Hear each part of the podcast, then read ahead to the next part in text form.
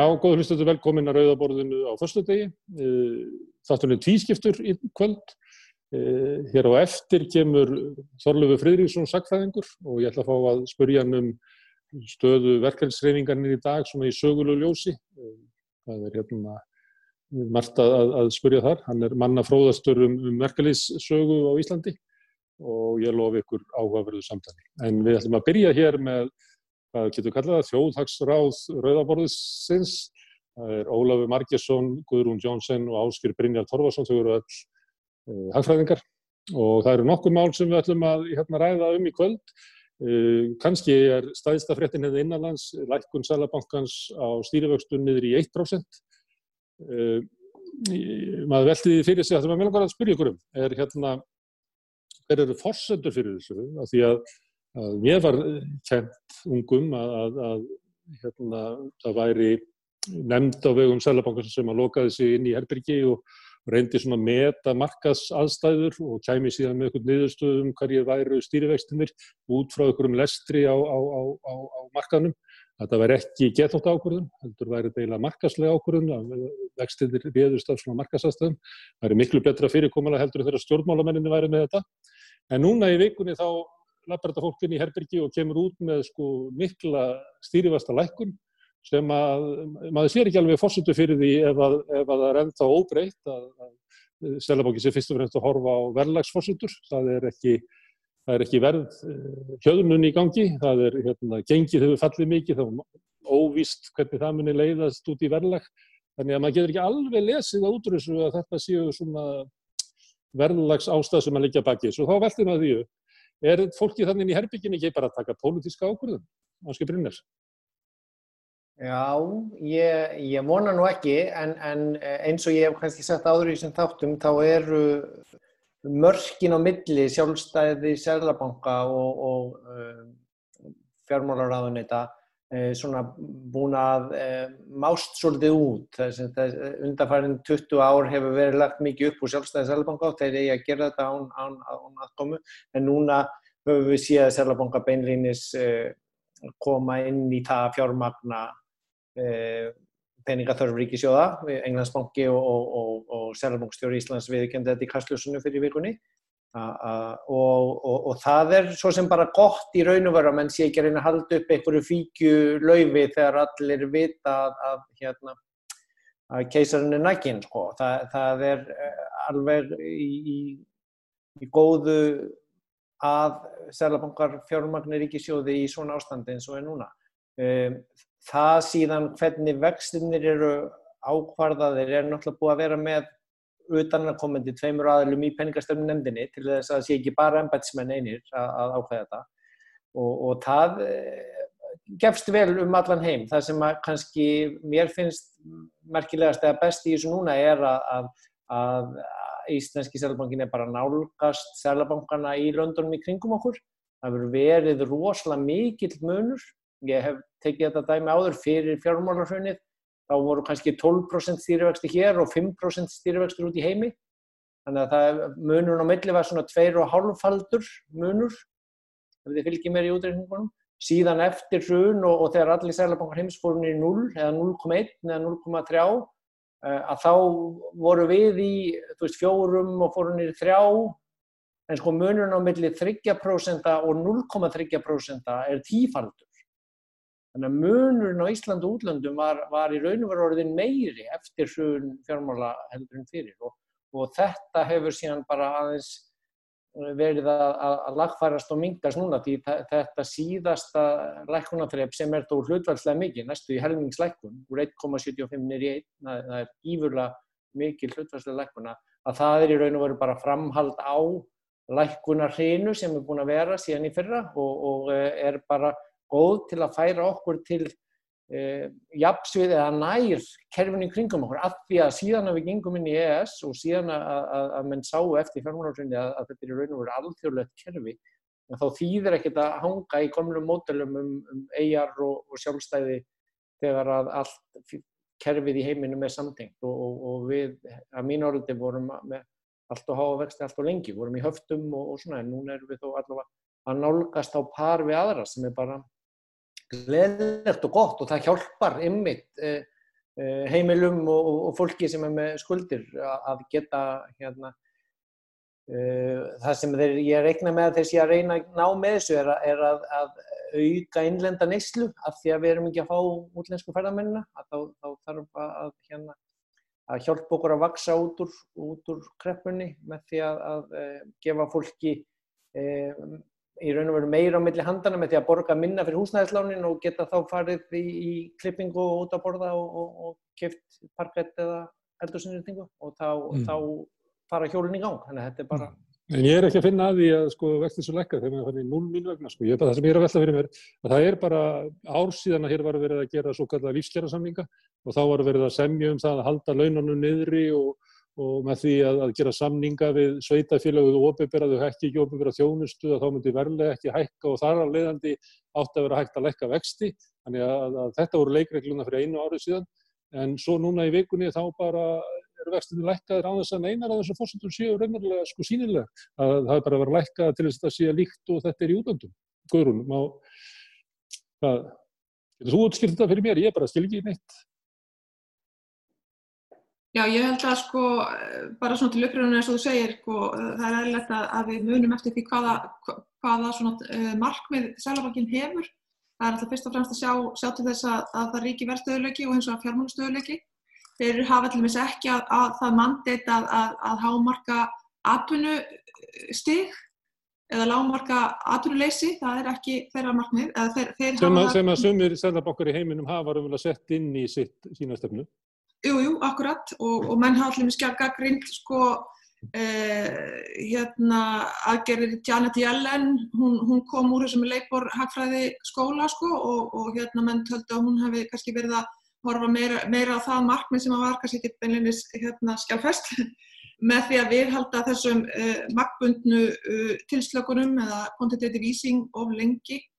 En aftur að fórsöndunum að, að lækkun vaksta eh, þá eh, sé ég að að eh, Sælabankin, jáfnveil þó að krónan hafi eh, vext sko núna fyrirpart ásins eh, að þá er náttúrulega munum við það að, að Sælabankin býr yfir upplögum gældirisverða for, for það og svo einfallega held ég að, að það spilir mikið inn í að það sem við flytjum inn hefur svona kannski jafnast vegna þess að það er verð, verð fjöðununarlendis heldur en heldur verð hækkun og mann kannski að horfa til þess að, að að húsnæðisverð muni að minnstakost ekki lækka og, og svo bara þetta signal sko, menn vilja e, móta verðbólku vendingan til lengri tíma og, og svo gefa það, það merki að þeir ætli sér að, þeir mín business, þeir ætli sér að, að hérna, gera það sem þarf eins og, og Draghi segði fórum dag. En, en við skulum ekki gleyma því líka að sko gengið er búið að falla um 14% menn tala um það eins og rosalega góðan verð stöðuleika hérna og hérna gengi stöðuleika hérna og uh, að því að það hrundi ekki meira sko en, en, en 14% gengislækkun sem því er hækkun á öllum innflutum afverðum um 14% er náttúrulega búið að taka burstumerkni af, af kjærasamlingshækununum sko, svona á þess að láta fólk beinlinni svita af því. Ætti að leiða til svona 5% verðbólgu svona yfir eitthvað tíma, cirka, ja. það er ekki talað oft um það, það sé svona 40% af sem að komið þá í gegn, en Já. það hefur ekki alveg gerst, þannig að kannski er eitthvað, kannski er við að flytja inn verðhjónu, getur það verið, þannig að Já, kannski áhrifin að gengisfallinu kom ekki fram, hvað séum það að vera? Já, ég held að sko þarna þurfum við að hafa í huga samkjöfniskrafta sem eru þó kannski til núna í kerfi, kerfi og eru virkari heldur en áður fyrrum.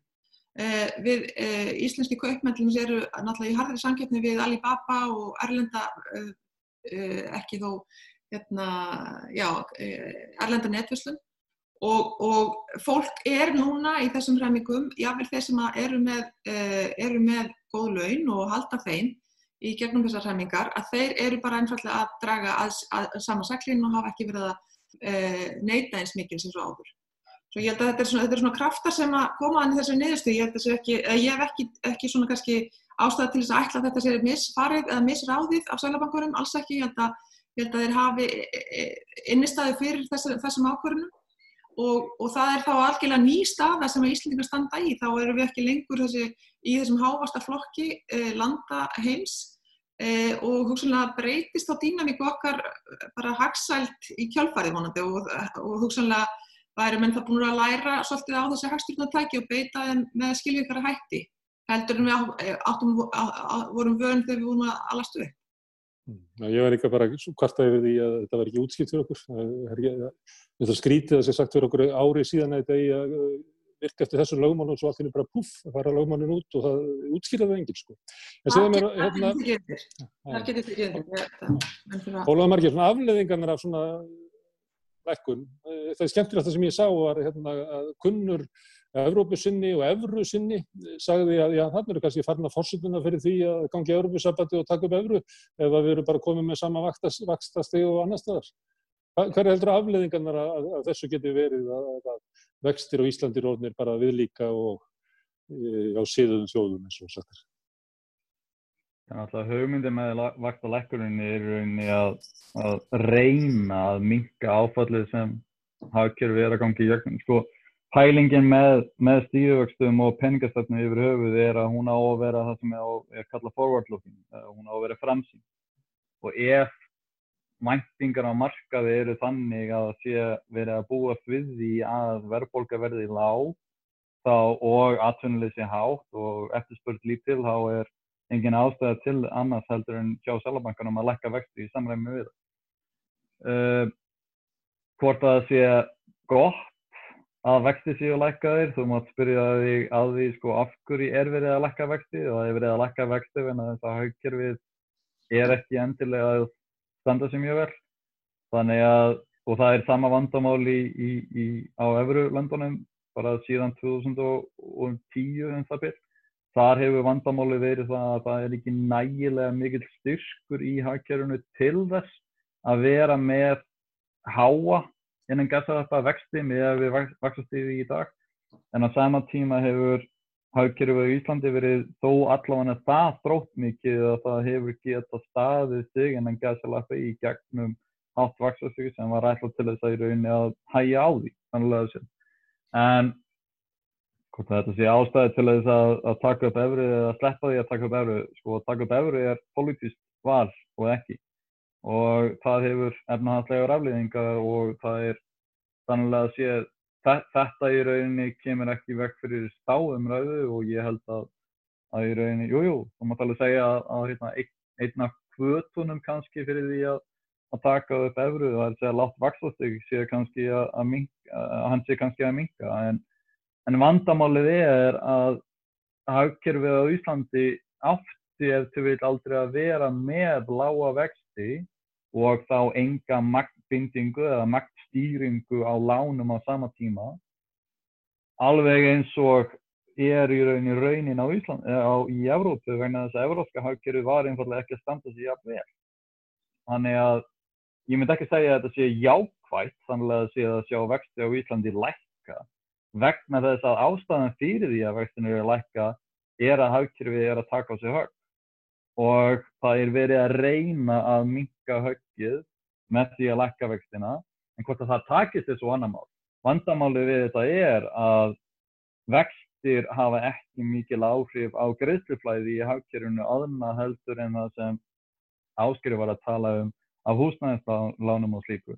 En ef þú ert fyrirtæki og þú ætlar að ákveða það hvort þú ætlar að fara í fjárfestingu eða ekki, þá er mun áhrifa meiri þáttur í þeirri ákvörðum hvort að þú munir hafa tekjur í þeirri fjárfestingu eða vegna þeirra fjárfestingar heldur en ekki.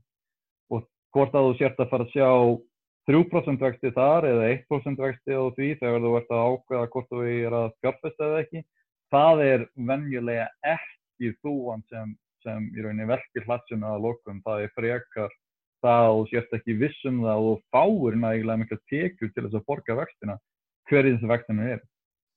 En segja mér, hafið þið skoðan á því hvort að stýrivextarækkun Sælabókans fari fljótt út í kerfið, e, út í bankakerfið, það leiði til þess að það verði minni greiðslubyrði á fyrirtækjum og fjölskyldum. Munu bankanir kannski ídöllum bara yfir í, í yfirdrættalán á heftinu sem eru sko nýju próstvextir eða hvað maður þetta hvað.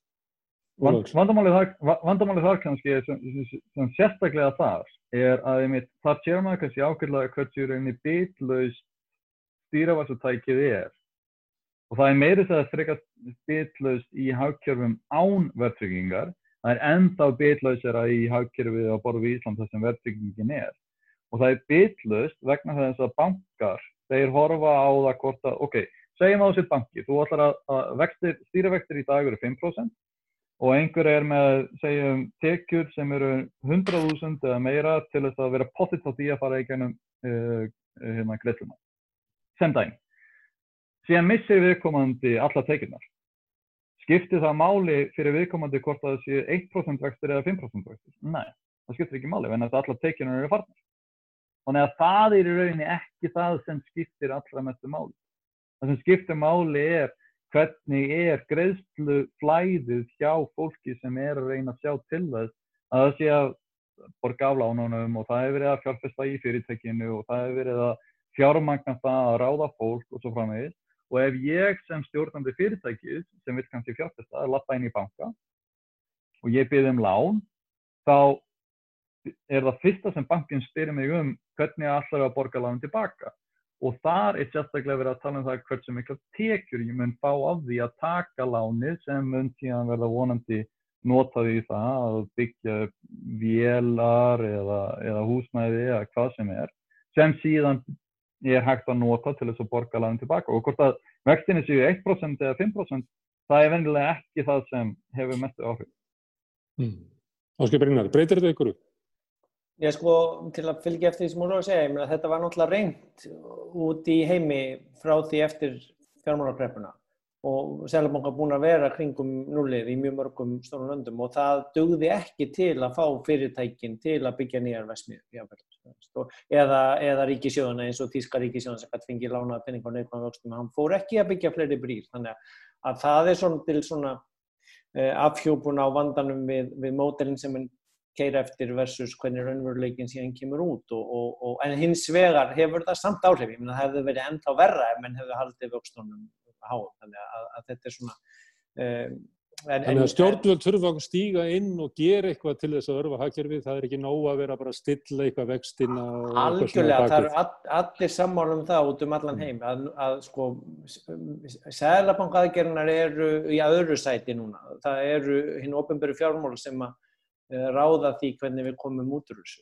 og, og, og, hérna. og þau voru í raun og veru allt og mikið eftir síðasta fjármálarsvöndin, selabankunni sem voru að berga hlutunum að því að, að, að stjórnvöld gerði ekki nóg. En núna hins vegar er, er, er, eh, mjög mikið kall eftir því að e, það sé meira gert af hálfu hins turðsins, sem sagt hinn á ofnböru fjármála og síðan samspilið þar á milli. Mm. Er það önnur frétt, Guðrún? Það er hérna Æslandir, það er hérna verið að var samtlíkt á hlutafundi að leita eftir nýju hlutafík, allt og ljóst hvort að það verði.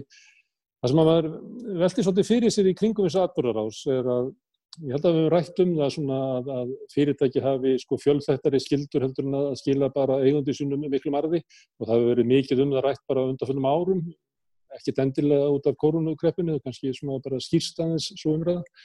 En í þessum tilröndum að þá ganga stjórnendunir á, á, starfstjættirnar og reyna að lækka launin.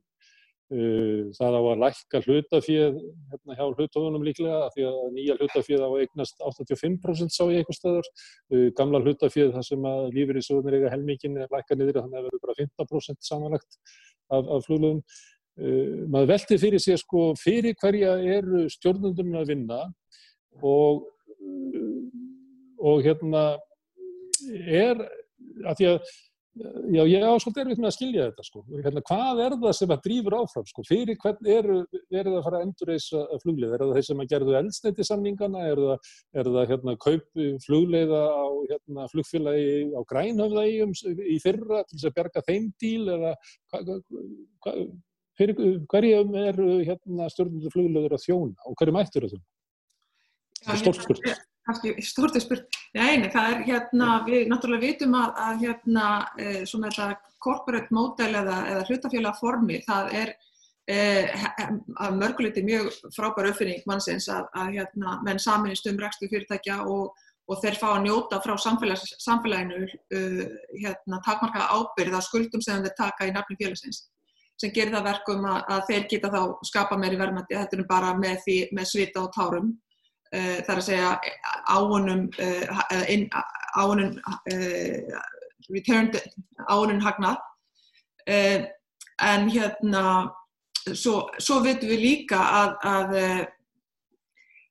eðli mannsins er mjög stert og, og, og við erum ekkert voðalega siðmynduð sko þegar við förum að skoða nánar að, að við erum svolítið lögmál frumskóðarins ríkja líka í, í mannana samfélagi og við eigum vona á því til dæmis almennt og yfirleitt að stjórnendur sem ekki hafa lagt neitt fram að eigi því eða eru bara hafa þá ákvörðuna að, að, að taka að vinna hjá þessum vinnunvenda versus hinnum að þeir náttúrulega reyna að gera sem minnst uh, fyrir sem mest fyrir. Það er bara eins og við öll sem erum launafólk, við vitum alveg að, að við viljum hafa kaffitíma langan og svona sko.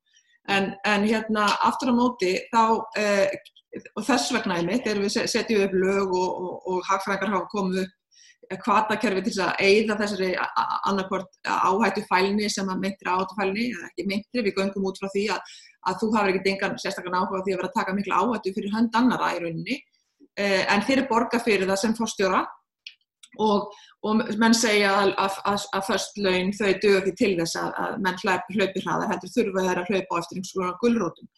Um, en hins vegar þegar við erum að díla við svona krísjón sem við erum í núna, að þá uh, blasir bara við að, að, að tekjustreymið er ekki, ekki nægilegt til þess að til þess að kofera þessar uh, skuldbindingar sem að menn hafa tekið á sig og bara í gegnum meðlan rekstur.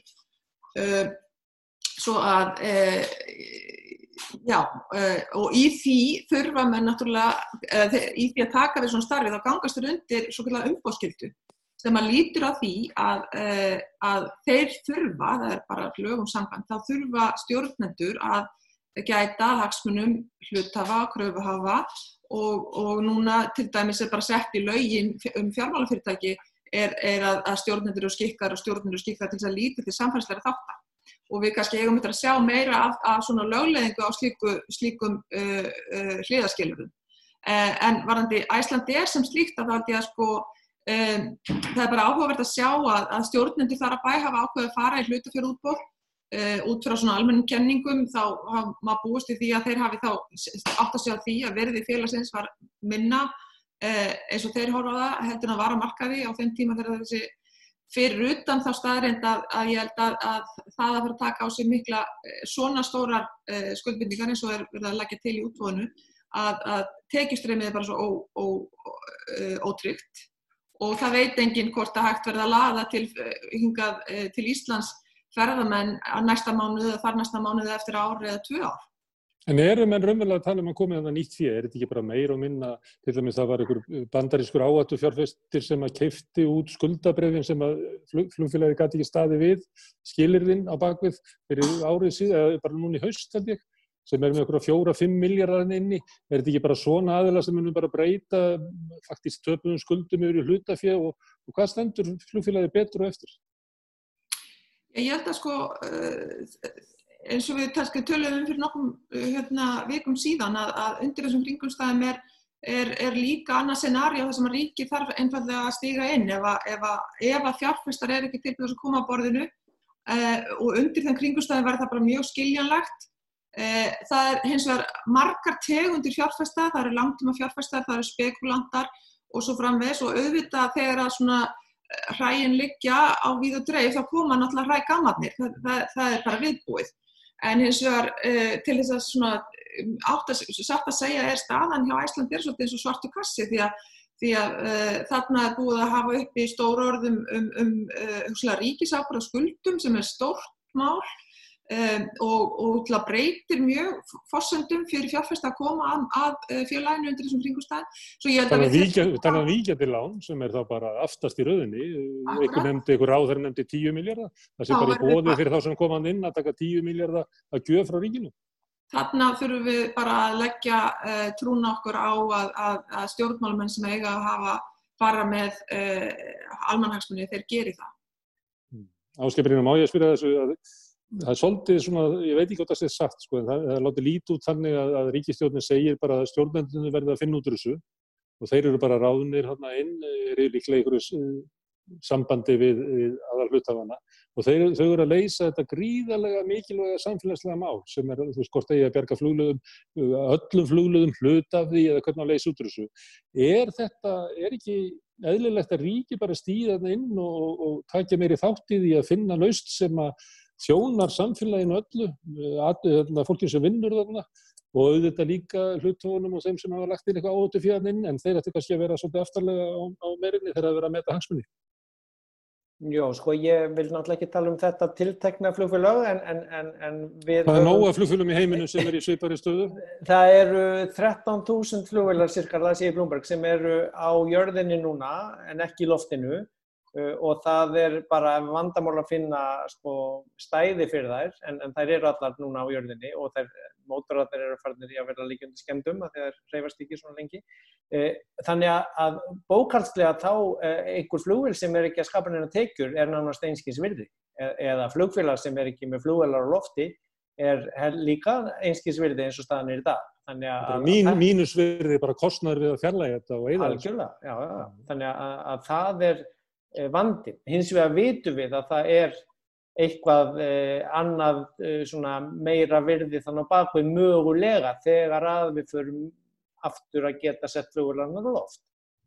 Og, og þá þarf að skoða eh, ef maður býr til dæmis á einhverju lítið eigu út í miðju einhverju hafi að, að þá er náttúrulega flugsamgöngur í raun og veru eins og innviðarferðfesting. Það er bara eh, eins og brú yfir, yfir fjörðin eða, eða hérna, höfn til að, að taka á móti skipum að, að þá er, er flúvöllur og flúvelar, eða flúfélag, eh, nöðsynleg eh, grunnstóð, kerfislega mikilvæg eining. Um, og, og þá náttúrulega verður maður að horfa á aftur ef maður ber saman við fjármálurhunni, þegar að í íld efni á komið, að þá eru náttúrulega eigendunir í félaginu búin að tapa sínu uh, hlutafélag. Það er eðli hlutabrjöfa markaða og hlutafélaga.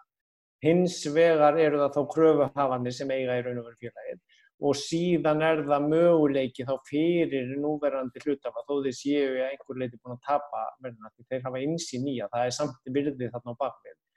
Eh, að þeir koma þá með meira fjö, um, eh, kannski ekki einhver útlensku sjóður en, en, en ef ég ber aftur saman við bara eh, Svíþjóð þegar ég var þar að þá voru lífeyrisjóni sænsku að beita mjög ábyrgri þarfestingastefnu að kaupa ekki Volvo bílaframlegandan af Ford þegar þeir voru búin að tapa á rekstri Volvo í tíu ár og fjárfesta heilmikið í nýri tegunda bílum og grunni og svona.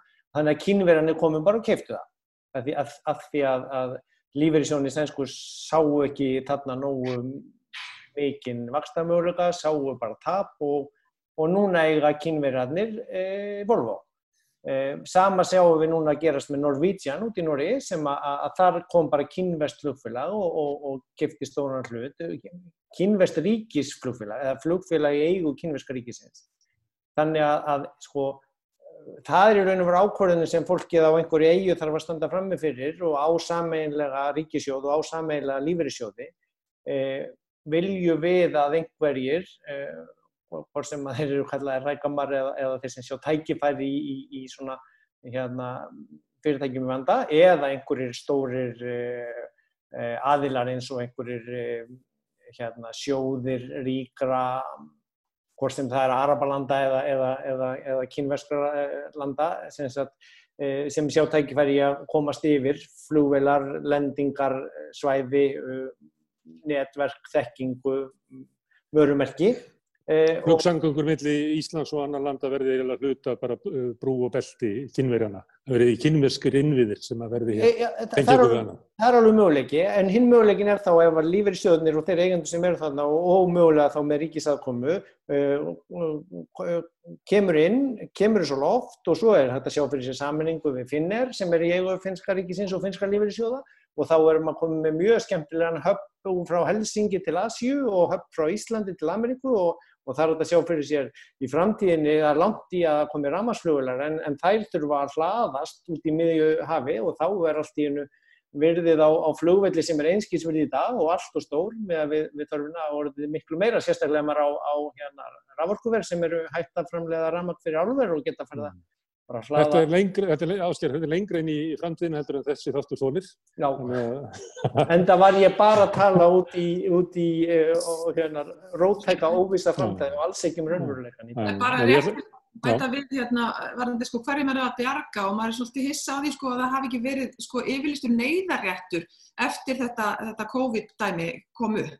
Það er sannlega ríkir neyðarréttur hér í bandaríkjunum og, og, og þannig að, að réttindi sem fólk hefur áhunni sér yfir tíma, vinnurétt og, og, og, og, kjör, eh, maður sæði fyrir sér sko að, að eitthvað tímabundi neyðarréttur kalli fram á það að fólk þurfa að gefa eftir réttindi sín- en þau þurfa þá að koma tilbaka uh, for sure eftir að neyðarasti líkur. Ég held að, að menn hljóti að, virða það, uh, íhuga þann kost uh, ef að til dæmis ekki næst að, hérna, uh, uppfylla til mis þetta varandi hlutafjörútbúð Æslandi því að vissulega er Ísland eiga, við veitum það og það er þjóðarhagur að hægt sé að flytja vörur hrætt, hrætt og vel frá landinu. Það, það, það er náttúrulega bara verkefni sem að sem að í rauninni er á, setur á, á herðum ríkisins ef að engin annar engaðali vil standa í því. mm, algjörð líkilatrið fyrir Ísland að, að vera með flugsangungur við, við umheiminn eins og við neti. Það hefur bara breytt Íslandi. Við vorum út í aðar og bara út nári Evrópu þangað til að, að flugið og síðan neti koma. Nú eru við eiginlega bara eins og hverjunur miðja eða svona það er allt öðruvísi, bara allt öðruvísi að vera á Íslandi eftir að, að þetta er. Herðu, en hérna uh, Ólafur, af því að þú slærið alltaf frá þér öllu sem að, að getur verið svona pólitísk spursmál og þá ætla ég að spyrja þig að einu. Uh, í, síð, í lók síðustu viku þá kom frétt frá Samerja um að, að eldri kynnslóðin verði að gefa yngri kynnslóðinni innanlandslutan og það er eiginlega innanlands sjáarölduslutin erlendi hlutin er í öðru félagi og inn í þeim erlenda hluta, svona holdingsfélaginu, eru hlutinir inn í högum og ólís og öllu, eimskip og öllu þessu gúmilaði sem að þeir hafa sapnað hérna innanlands. Og það hefur verið svona umræðan svona hægt og bítandi vaksið í þessari viku um erðafjórskatt og skattemtu og, og líka hvernig er flutt á milli kynsluðana kannski svona ó, hvaða eign þetta umverulega er því það er náttúrulega svona raunvirði kótans er ekki bókvært rétt aðna inn, en ég ætla að spyrja út frá svona Piketty. Eitt af því sem hann segir er að, hérna, og þið með ekki, eða ómækla tími að leiðrætta mig, ég ætla að hérna, vera með einfalda hagfræði hérna, að óréttlæti að gólfið undir kapitalismannum er skakt, þannig að það flytur linnulöst fyrir frá þeir sem ekki eiga og þeir sem að lítið eiga til þeirra sem er mikið eiga. Og að ef það ekki er grip inn í það þá mun það enda með því að einn mun eiga allt eða, eða örfáir eiga megin þorran og það hefur svo sem fylst með á undanföllum áratugum og hann hefur dreyið það fram hvernig þetta verið gert. Það, hérna, og hann segir þegar hann er spurður út í það hvað þetta gera í þessu þá nefnir hann hérna, eignaskatt, auðlöðaskatt sem auðvitað til að vinna mót þessu. Hann, hann hefur alltaf hækk þetta, einhvern tíma sagðan 2-2,5% ég sá einhvern tíma þegar hann lagði til tillögu fyrir Európa-sambandi þá var hann með efsta stíð, ég held að það verið komið upp í 8% hjá hann, það er svona svipaða tillögur og, og Benny Sanders var með. Og svo segir hann erðafjórskattur, það sé eiginlega sko, til þess að halda sístemnu gangandi og Og, og Piketty er náttúrulega bara sósíaldemokrati, hann vill halda blanduð hagkerfi og hann vill láta hérna, kapitalisman þjóna fólkinu sem mjölkur kýr á básnum meðan að kannski svona harðari sósíalistar verður að draga þessa kú fyrir húsvöku og skjótana þar, er ekki, hann er ekki þannig. Þannig hann er að leggja þetta til til þess að halda kapitalisman á heilbriðum. Og hann talar um uh, góðan erðafjörskatt sem svona líkilatriði til þess að láta hagkerfi ganga vel. Er erðafjörskattur hagfræðilegt stjórnunartæki eða er það politísk?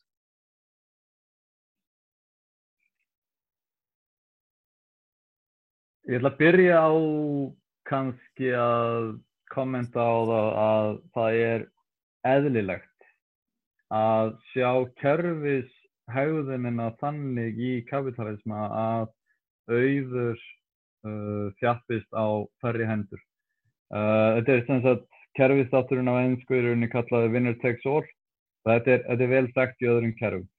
Uh, líffræðið til dæmis og þú ert með eina tegund af uh, randýrum eða segjum sem dæmi að það sé einhvers konar um, erðabreiting hjá randýri sem gerir það mjög uh, í rauninni efficient, það er, er mjög það er, góður, góður í rauninni veið, það er gott randýr og það sem gerist er þá að randýrið það í rauninni veiðir allt það sem í rauninni til staðar þar til það hefur veitt svo mikið að það í rauninni drefur allt það sem það í rauninni byggir sína tilvist á. Og winner takes all er í rauninni kerfis hegðun þannig að ef þú ert með hagnat á einhverju starfsemi sem síðan leiðir til þess að þú getur þá í rauninni nota þennan sama hagnat til þess að fjárfesta í einhverju sem gefur þér þá meira samkjöfnisfórskótt á markaðanum sem gefur þér ennþá meiri hagnað sem síðan veldur áfram í það að þú getur náða ennþá meiri fórskótti. Uh, þá í rauninni er eðlilegt að þessi kerfistáttur, samkjöfnöðus, uh, í rauninni gerist.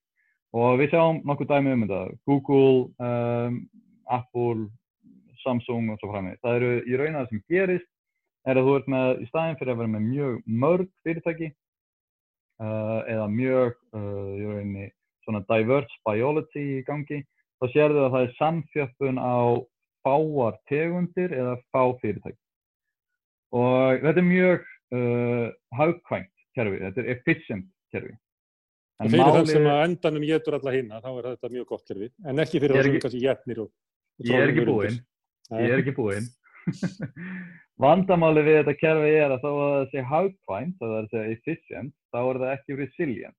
Það er ekki styrkur í því til þess að takast á við einhvers konar utanakomandi breytingu eða breytingu innan. Og breyting innan þess getur sem dæmi verið að uh, ef þú ert með, með lífkerfi þá getur það verið þannig að það sé einhver gen, genabreiting í einhverju, einhverju, tegund sem gerir það verkum að við komum til tegund verður miklu betri heldur en tegundin sem var áður og það reynur kerfið niður og það verður í rauninni, það, það, það breytist og það í rauninni þróast yfir í nýtt jafnbægi, skulum við segja. Ja, jafnbægispunkt. Uh, það sem gerist í hagfræði er að venjulega þá reynir fyrirtækið sem sér samkjöfnina uh, koma upp, það annarkvæmt kaupir fyrirtæki strax eða reynir að koma fyrirtækinu í, í þrótt.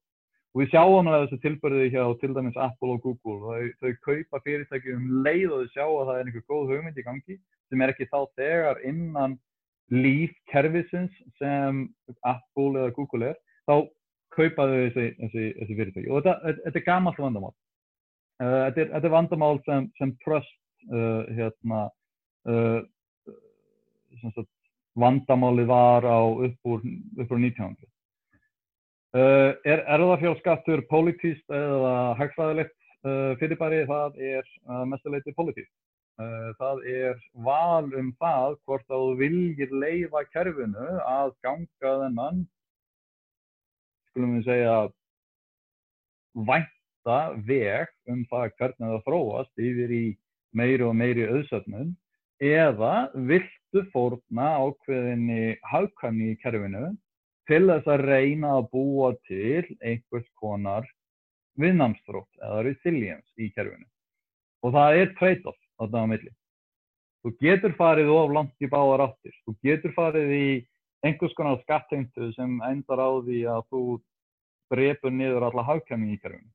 Og ef þú gerir það ekki þá endar á því að þú býr til einhvers konar langan þróunar veg í kerfinu þar sem auð söfnunin er of mikil á of fára hendur og það síðan endar á því að það er einhvers konar reset uh, sem er venjulega þá vegna þess að það er einhvers konar uppreysn á bakvið hana.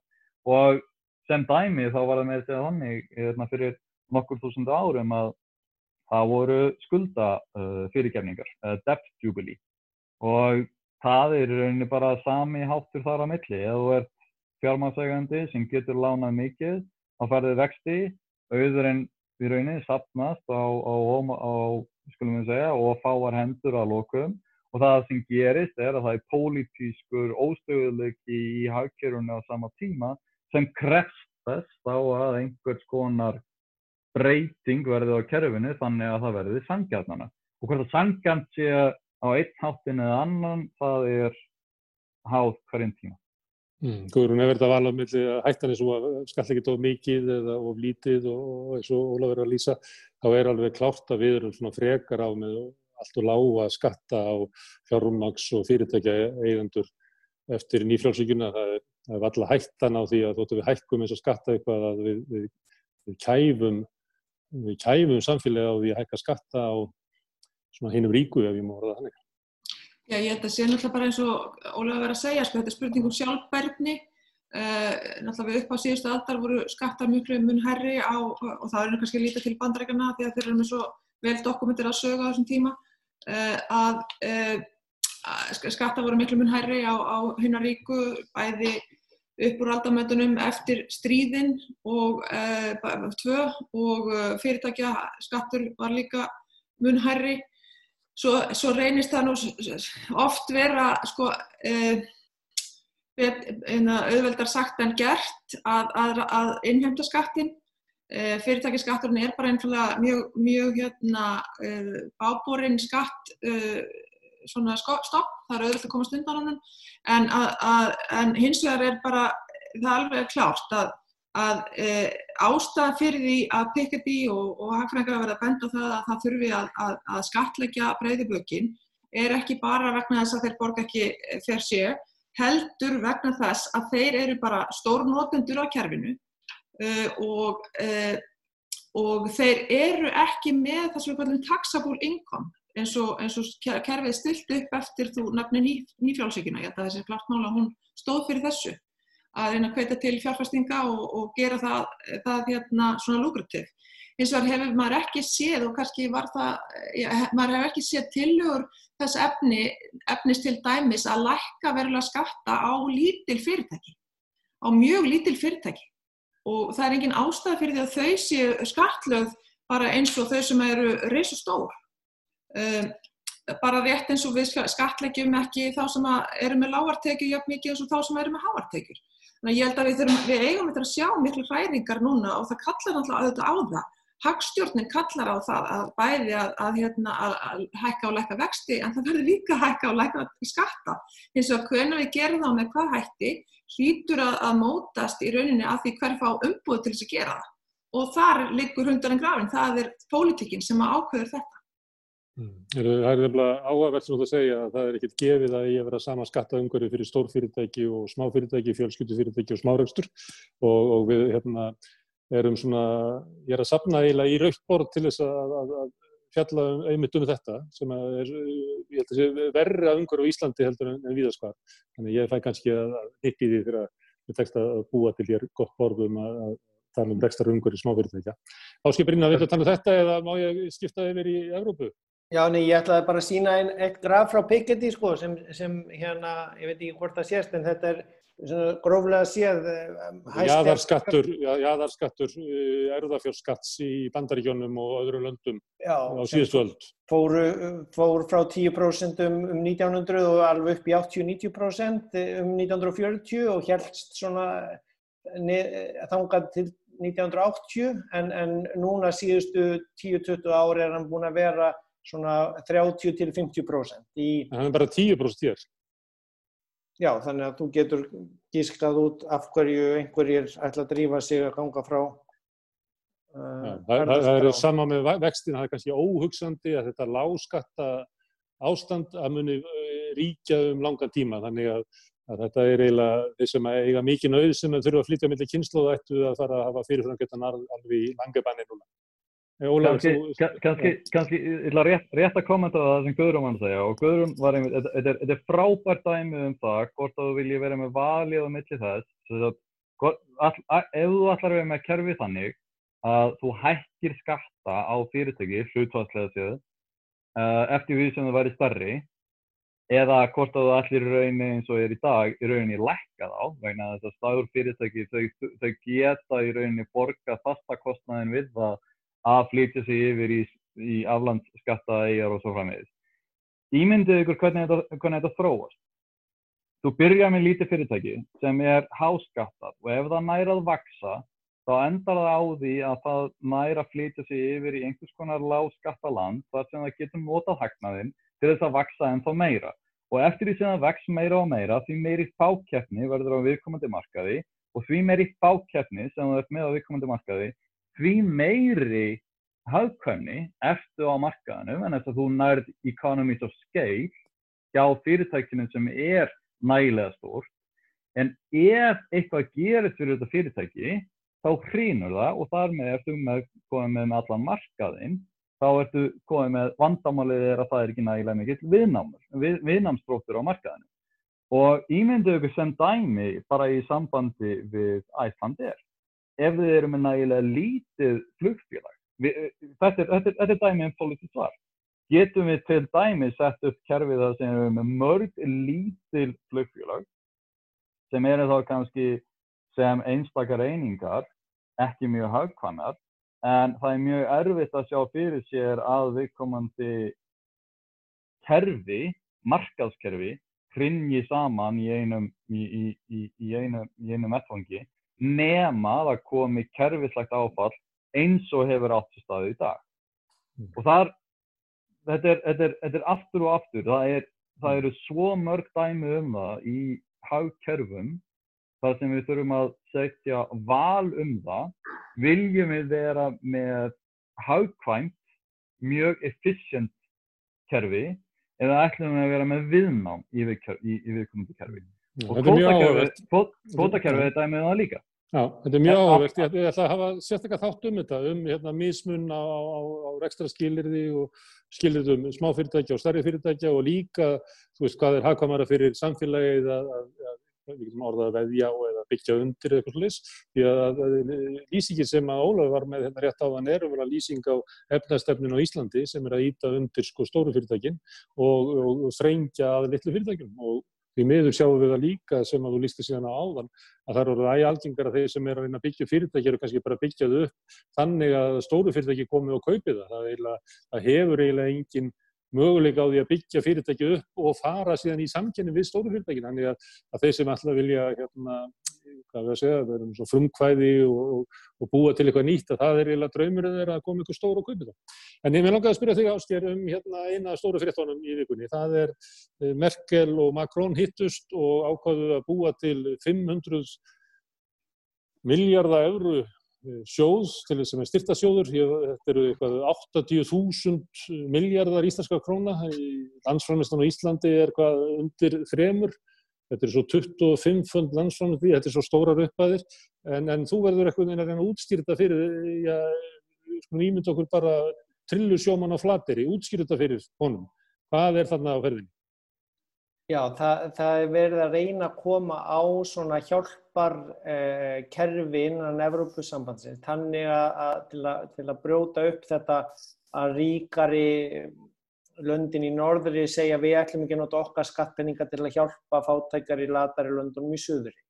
Og, og, og, og það, það er verið að búið að vera núna út af, út af kófinu af, af veirunni að vera að reyna að ná samkómurlægum hvernig á að gera það.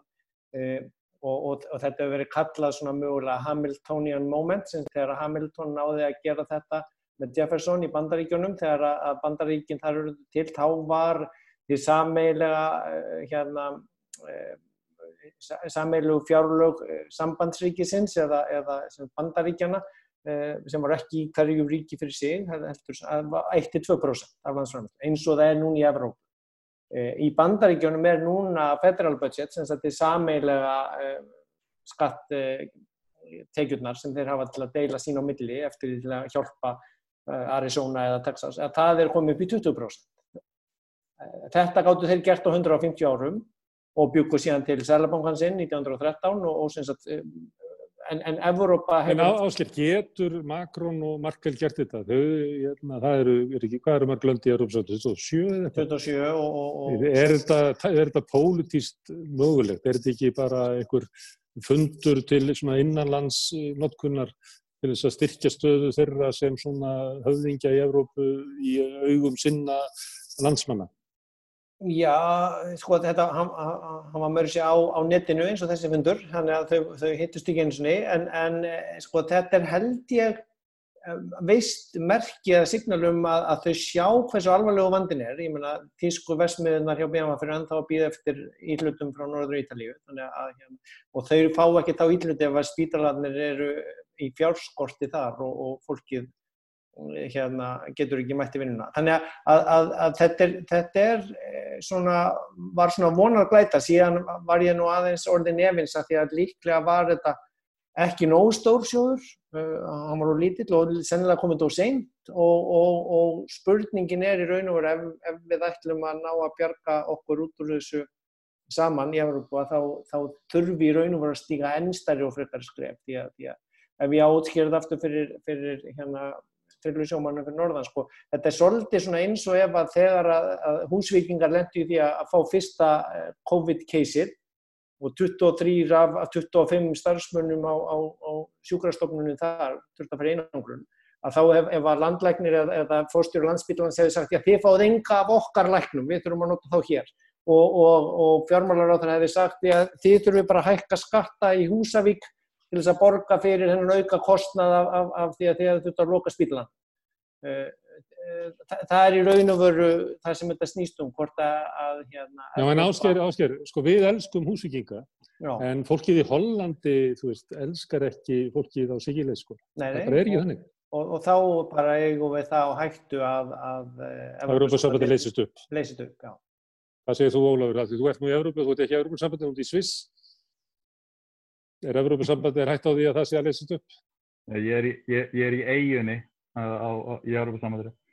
Uh, já, og þess að Macron hann sagði það bara reynd út.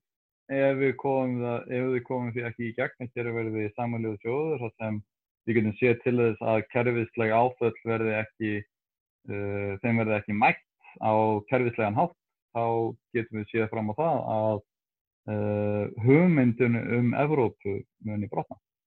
Og það var bara beint frá Macron sjálfum og hann átti sjálf á þessu. Þetta eru svakalega sérstakki tímar, Guðrún, að hérna, í þrjú ár var alltaf verið að velta fyrir sig að réttar að vera að ganga út úr Európa-sambandinu, svo verið rétt gang, gengur út úr þessu, að þá er eiginlega verið að tala um að Európa-sambandið bara leysist upp. Já, ég er svo hérna, fókusur á bandaríkjuna, ég bara hef ekki haft band í því að það er nægilega mikið af pólitískum áskorunum í þessu landi sem maður hefur bara ekki, ekki svona, já, svona mind space eins og maður segir. Það er að hægt á að það, þau leysist upp líka, sko, bandaríkinn. Ég, ég hef meira ágjörð því að það er svona sem snýr, snýr meira að mér, sko, persónlega. En hérna, það er, það er alltaf svipað upp á tilnum hér, það er, það er maðurinn í kvítahúsinu sem að engi vil segja nafn, hvers nafn engi vil segja þess að dana, að, að hann vilist vera einmitt að benda á þetta, að, að e, alríkið mun ekki beila út e, fátæk ríki sem ekki geta synd húsvíkingum eins og, og, eins og, og áskil lísti svo vel á það. Herðu, hérna láta þetta döga í, í bíli, rosa stóra fréttir sem við höfum raunverulega verið að fjallum hér og þakka ykkur kjallaði fyrir að, hjálpa mér og líklega hlustundum að skilja þeir betur, Guðrún Jónsson, Áski Brynjar Þorvarsson og Ólafi Margesson. Við hittust vonandi aftur í næstu viku eða þann næstu ef heimurinn heldur áfram að skaffa okkur svona stór tíðindi sem er erfitt fyrir okkur og, og trillusjómaninn og flattir að skilja. Við verðum að láta hann skilja hvað er að gerast. Herðu, en ég ætla að skipta núna yfir og fara að tala við Þorleif Fridriksson ef hann er á línunni. Já, já, hann er, hann er. Já. Þetta var aldrei Hérna- frábært. Já, þú hefur að hlusta? Ég hef hlust á með tvö eiru galopin, sko. Já. Það er ekki myndaðir, það er svona myndað ykkur svona Ja, það, skákmanni. er, það er líka aukadrið eða ekki. Nei, við viljum fá að sjá þig. Já, það er þetta, ég, ég íti á, Já. hérna er ég búinn. Þetta var Já. mjög, mjög fróðlegt og Já, það það er, hérna, ég, hérna, eh, fólk spyr mig á hverju ég með þessa þætti og hverju kvöldi og, og ég segi bara, ég er að nota þetta bara til að skilja heiminn og ég get bara kallað á, á fólk ef ég skil ekki eitthvað og bara kallað ég á fólk og tala við það. Þannig ég er bara, get við búið mig til mín eigin ámskeið og þessi þrjú hafa hjálpað mér til þess að skilja það sem er að gerast.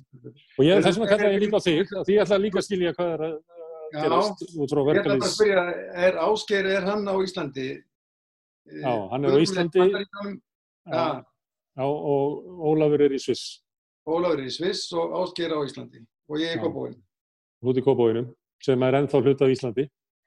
En þá, já. Hérna, en þú ert sérfræðingur í sögu verkalýsbarótt á Íslandi og uh, það er svona staða í íslenski pólitík að, að, að sem er einhvern veginn þannig að, að svona öflugasta stjórnaranstaðan við yfirvöld og ríkistjórnina Mm, kemur frá verkalýsreifingunni já.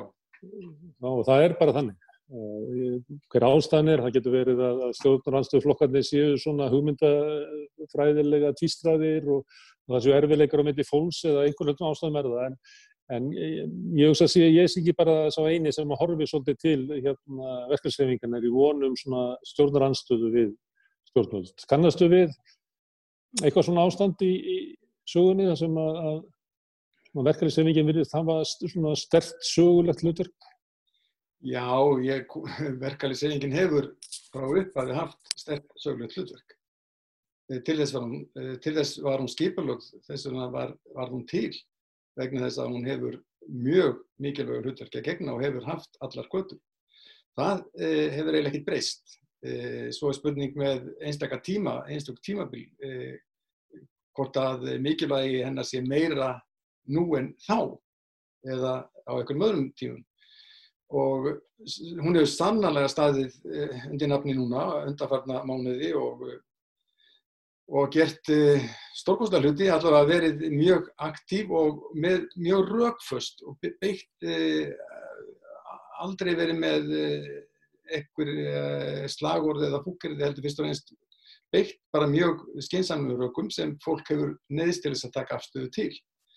Alveg eins og ég hef hlustað á þessa snillinga sem voru í, í fyrirluta þessa þáttar.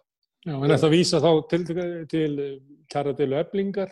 Ég er að tala um, sem, sem dæmi og, og ég hef hlustað líka á raukstunning flugfræja núna.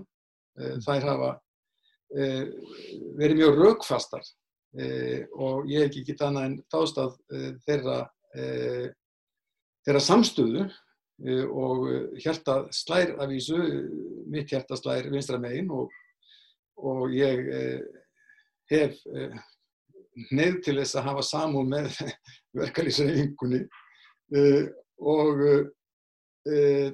það má finna ímis dæmi úr sögunni þar sem verkalýsreifingin hefur haft verulega þýðing og hún hefur reyndar, hefur verkalýsreifingin, hvort sem er hér eða í Evrópu, átt dríkstan þátt í að móta og koma því upp því, því velferðarsamfélagi sem við reykjum okkur af á hátiljum stundum. Þetta hefur fyrst og fremst verið vegna markvis starfs verkalýsreifingarnar sem hefur oft á tíðum haft mikla væntingar um augnabliks stórstigra en, en oft á tíðum hafa þeir líka runnið út í sandin og orðið minni en ella eða vonið stóð til. Hins vegar hafa þeir aldrei glimt markmiðum sín og, og það, það er það sem er svo aðdónavert við verkefnisefinguna að hún lífi það alltaf Og, og í... En hún er ekki alltaf góð sko að, að sömuleiti þá finnst maður krafturinn í núna afhjúpa svolítið að hún hafi nú verið með döfara lægi í svona áratöfum þar. Það, það er einmitt sko e, e, hver, samt, hver tími e, hefur sín Napóleon. Það sé fólk, fólk þessar hugmyndir, þessar, þessar draumar verkalýssefingarnar hafa verið með svipuðum hætti frá stofnun þar að segja að auka jafnbreytti, auka og bæta möguleika fátæksfólks að þetta fólk sé öðrum ekkit síðra.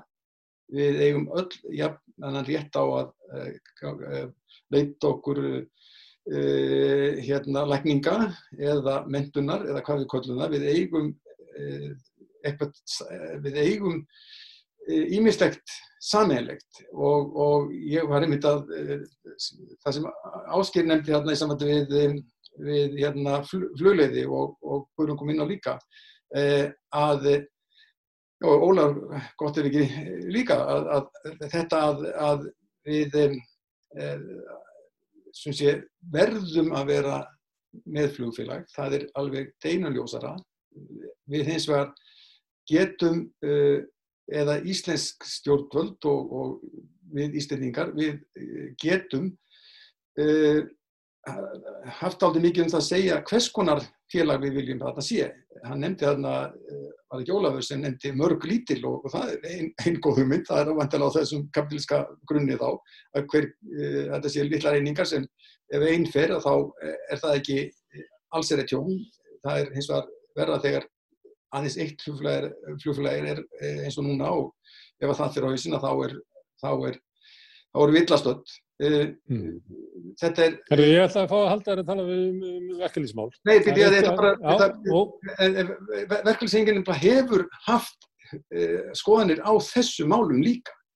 Og, og við... Það er núna undanfattan daga, undanfattan daga, þú ert ekki já, og svo. Og, já, já, og, og, já, já, og með, með, með, já, já, ok, við skulum ekki tala um þetta, þetta er hérna kannski oflóki, en það er einhvað síður um, mikilvægt að gleyma því ekki að, að verka fólk, það hefur líka skoðanir á því hvernig framtíðin á að vera, ekki bara hvernig fortíðin var. Já. Eitt er hérna, því við erum að tala um auki kraft í verkarsauðingunni, að þá gerist það á svipum tíma að maður upplifir svona aukin aukin vilja til þess að brjóta það niður. Það er til dæmis aðgerð flugliða, stjórnlega flugliða er eiginlega að brjóta niður launakjör starfsfólksins. Við getum deilt um það mm. að gera þau óbærilega eða ekki, en, en flugfröður lítar svo á að það sé verið að íta sig niður fyrir bara bærileg mm. Eh, lífskjör. Við erum sæðlabakarstjóra að tala um að það sé sérstaklega vá af því að verkefnsefningi er svo óraunsæ. Þessi sama verkefnsefning og þú varst að, að dásama á þann að væri kröftu og góð. Mm. Hvað hérna eh, Er þetta, er þetta bara viðbúið, svona ef við horfum í söguna, að, að, að þegar að verkefnisreifingin sínir klærnar að þá hérna, styrkir anstæðingurinn sig? Í, hann náttúrulega reynir að grípa til þeirra ráða sem hann hefur og, og uh, í uh, Evrópu hafa náttúrulega aft á undanfjöldum áratugum stað mikla breytingar uh, hvað var það stöðu verkefnisreifingarnar. Þar er hún orðin víða mjög veik og e, það er dapurt að, að hugsa til þess að ymitt í e, þeim löndum sem e, urður til þess að, að þessir múrar á milli tvekja hækkerfa hrundu e, í löndum eins og Hollandi. Þar hefur verkalýsreifingin sem var í farabróti allra þessar breytingar e, þar hefur hún orðið nánast að e, dverg e, og e, er, þannig er komið fyrir pólverum í dag pólskum, pólsku verkafólki að það getur ekki fengið vinnu í e, einstökum, já, í vísna mörgum stórfyrirtækjum í Pólandi e, nema það heiti því að taka ekki þátt í starfi verkefliðsfjörðas. Mm. Markaðísmi að þú færði ekki vinnu ef þú ert verkefliðsynni. Já. Uh, og uh, ég uh, held nú að þetta mun ekki gerast á Íslandi vegna að verkefnisreifingin er bæði, hún hefur mjög sterkastöðu og það er mjög erfitt að eins og þessar tilröðinni sem núna hafa sést hjá fórstjóra Æslandir vera mark um, eða bótt um þennan vilja til þess að reyna að draga tennunar úr verkafólki eða, eða launþegum. Eh, en eh, staða þeirra eh, stjórnskipunaleg, samkvæmt stjórnaskrá og, og ekki síst kjærasemningum, vinnurétti og, og vinnurlaugjufinni er svo sterk að, og ég held líka að einhver sko alvöru atvinnreikendur sem reyka fyrirtæki e, svona með langtíma sjónarnir e, að leiðarljósi e, óski sér að sjá verkefliðsreyfinguna hverfa, að hverfa aftur til e, síðustu aldar eða, eða, eða fyrirluta síðustu aldar. Ég held að engin e, atvinnreikandi óski sér þá stöðu. Ég get ekki lofa því, það sé ekki einhverju sem að óska sér. Það sé ekki engin af, af Ætti, alvöru, ég held ekki að nokkur með, með fúli fenn myndi, myndi óskar sér þess vegna að það, það er því, það er því kás, það er því mm. frumskóar uh, lögumál sem hér myndir ríkja. Það er eitt sem hefur engið verkefnisbaróttuna svona á síðustu mánuðum, missurum, er aukin áhersla á baróttu fyrir e, kjarabótum kannastættana og það er líka því að í fórustusveitinni er, er óvinni mikið af konum og óvinni mikið af svona skelegum konum eins og sagt er. Það er eins og krafturinn núna minnir mann á að, að áratunum þar undan hafi verið kannski frekka döfir þá dregur þetta svolítið kannski fram að, að, að verkefnisefingin hafi verið svolítið svona karlæg undanfallna áratvíi og, og kannski ekki uh, lagt áherslu á, á jafnrétti svona meða við sko fjölda félaga sem að konur hafa ábílað orðið helmingurinn af, af félagum í ASI ábílað bara fyrir mörgum áratum. Mm. Já, þetta er alveg aðtækilsvert. Það er sennilega alveg rétt hjá þér að, að verka uh, lýsreifingin hefur verið karlæg. Uh, hún hefur verið það frá upphafi uh, og og ekki, jáfnveil á síðust árum þegar konur hafa orðið uh, ríkjandi í ákveðnum starfstjéttum að þá hafa þessar sömu starfstjéttir lengi verið svona undir mjög sterkum karlægum viðhórum, nú tala ég til þessum kennara. En hins vegar sko hafa konur verið sannarlega hluti af íslensku verkarísefingu eh, og ég hef oft eh, sagt það að, að íslenska konur eru eiginlega stórmerkilegar í, í alþjóðlegu samingi ef við skoðum sko, baróttu hvenna fyrir jafnbreytti og, og, og jöfnum launum. Þær hafa verið mjög framalega á þessu sviði og á Íslandi eh, voru allins konur í Hafnafyrði fyrir 108 árum sem voru fyrst, fyrstu sé hópar verkafólks sem eh, háðu verkfall gegn eh, mörgum atverðningum í einu. Það var að segja að það voru fiskverkunarkonur í Hafnafyrði eh, og eh, þetta verkfall stóð á annan mánuð, í á annan mánuð og eh, þær fóru út með sigur úr því verkfalli. Sumar kom aldrei til vinnu aftur og leytist að hafa það að ganga til Reykjavík til þess að vinna á hverjum einasta degi, e, sex daga vikunar. E, og fengu, fengu þá ekki vinnu? Nei, það er, það er spurning. Sumar fengu ekki vinnu. Aðrar kusu að bara kom ekki, en það er svona sé örguðu úr hafnafyrði. Það var engi strætó. Heldur ekki hjól, sennilega 1912 þó einhver kannski hafi ótt hjól, það getur, er hugsanlegt, en, en, en það voru allavega ekki góðir tróningar uh, á millir Reykjavíkur og, og Hafnarferðar. Það er gengur uh, þennan veg og, og er til sögur af þónokkurnu konum sem, sem er vitað að, að gera þetta lengi. Þannig ástæðan fyrir því að konur hafa verið svolítið í baksætunu í, í verkefniðsbaráttunni á, á 20 stöld og svona fram að aldamótum er ekki vegna þess að það, er hafa skort baróttu viljan? Nei, alls ekki. Og, alls ekki. Það kallar hins var hafa gætnan eh, leytast við að halda aftur að þeim uh, og ég vil úr í verkefliðsreyfingunni var það til dæmis á 1911 þegar voru miklar umræður á þingi um kostningarættkvenna og stjórnarskrárbreytingu. Þá risu upp verkefliðsleitóðar Eh, sem eh, vörðu við því að konur færu að fara út í þennan drullupitt stjórnmálana sem eh, þeir sögðu að væri svo ógeðsleikur vettfangur að það væri ekki sæmandi nokkri konu að stíga út í þann pitt. Það var sem sé, uh, þetta viðþór var uh, mjög almennt, held ég, meðal kalla. Dagsbrún, þetta verkalýsfélag, þetta fórustufélag verkafólks í, á Íslandi um áratugaskeið, stofna 1906, e, það var karlafélag. Þar mátti ekki konur vera. Það máttu koma sem gestir af því að þegar fundur fóru að vera svo leiðilegir að, að kallar voru ódnir, latir eða tristu sér ekki til að fara á þess að fundi vegna þegar þeir voru bara svo leiðilegir að þá var einmitt e, opna fyrir það að konu getur komið því að það er því einhver skemmtun og hugsalega e, vera gaman á fundum ef, ef að þær myndu vera gestir en þær ættu þá að halda sér til hlýjess að sjálfsögum.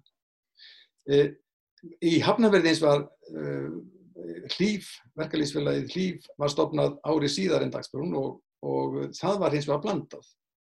Þannig að uh, þar var félagið frá upphafi bæði kvenna og kallafélag. Dagsbrún var hins vegar ekki blandað félag fyrir 1967. Uh, 60 árum sem sé eftir að hlýf hafi verið stopnað. En það var algjörlega óvart, það var vegna þess að þeir lögðu undir sig verkalýsfélagið hérna á, á Kjálnesi e, og, og þar var, voru tværi að þrjár konur innanbors og með því var þessi múr brotin. Þannig að, að þessi breyting sem við sjáum svona undanfjöldum árum á sér sko 100 ára forsögu að, að konur þurfi svolítið að riðja sér til rúms í verkefnsegingur, það er ekki tilvílun, það er ekki vegna þess að þær eru svona frekar, heldur það er bara einfallega að þær þurfa að skapa sér pláss til þess að geta já. komið eh, kjara baróttu kvenna á dasgrá. Já, já, en það leituðu náttúrulega líka til kalla og kallar voru mjög uh, jákvæði gagvart þeim eins og uh, dagsbúnamenn þeir aðstóðu, uh, aðstóðu Íslands hérna reikvískar verkakonur við að stopna sín félög bæði framsókn og, og svo e, og þannig að þeir hafðu þannig séð útbreytan faðminn sko en, en svona að vissum marki. Herðu, nú erum við að gangin í kreppu. Það Já. er hérna það er ekkert um það deilt. Þetta við séum kannski með bjassínasta sæðlabakastjóra í heimi sem að spáir hér 8% samdrætti og, og það verður strax spati á næsta ári þá eru svona svartværa myndir sem við dregnar út í heimi og ef það kemur krepp út í heimi þá náttúrulega kemur hún hingað. Mm. það mun hafa árið og Íslands samfélag. Um, síðustu mánamót voru kannski fyrstu mánamótin þar sem stórir hópar voru með skerta útborgun næstu mánamót sem eru bara eftir viku að þá mun fólk á aftur skerta hérna útborgun og svo aftur mánuð þar eftir og sá eru sumir að falla bara ofan í í aðlunisins spætunar ráar sem eru undir 300 krónum og þá fer að sverfa af, af að mörgum heimilum. Uh, hvaða árif heldur að, að, að þetta ástand hafi á stjættabartuna? Er dæmi um það að þetta skerpi hana, uh, seti kraft í, í verkaliðin eða brítur fátaktinn fólk niður þannig að það að hérna e, á erfitt með að, að berjast fyrir sjálfsögurréttindum. Fátæktin getur gert hvort vekja. Hún getur bæði e, verið e, e,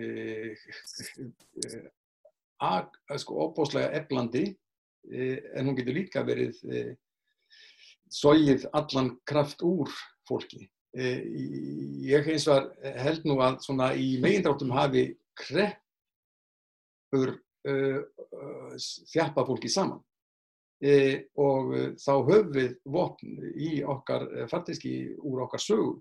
Þar sé að verka fólk sem, sem fólk mun grýpa til til dæmis eins og að gera mjög ákveðnar kröfur um auk, auki hlutverk ríkisins eins og til dæmis í flugræstri Eh, um eh, afnám þessara spillingar sem meðal að sést í þessum, þessu dá, dásamlega erðakvota hérna, máli samherja barna. Og sko ég held að, að það, þetta sé svo ríkt samfélag og Íslands verkafólk gerir sér grein fyrir því að Íslands samfélag er mjög ríkt á allan mælikvarða og uh, það lætur ekki uh, bjóða sér að uh, gefast upp og fara í einhver, einhverja örbyrð. Það hefur aldrei gest. Ég vil á kreppu árunum sem voru þá í tíu ár, 30 til 40, þá var gríðarlega mikill kraftur í verkafólki og hann var ekki bara kraftur einhverja eh, útsendara Moskúvaldsins fjarið því. Þar tók fólk saman hundum, eh, algjörlega án tillist til eh, eh, flokkstjórnmála, eh, án tillist til þess hvaða flokk það kjós, eða kaus eh, eða vildi kjósa, heldur þegar eins og í gútastagnum 1932 þá var þetta verkafólk úr öllum flokkum eh, sem tók samanhandum og afvopnaði lörguna og menn segja að uh, það hafi verið uh, eina skiptið í sögu verkefliðsreifingarnar á Íslandi, sögu sósélist á Íslandi sem þeir hafi stramt til tekið verið búin að taka völdin þegar þeir voru búin að afvopna lörguna. En sagan segir líka að þá var bara hringt inn í kvennaskólan og Príðanur Björndarsson fór formaður kommunista hann þurfti að fara að kenna svo að það var ekkert úr þeirri byltingu.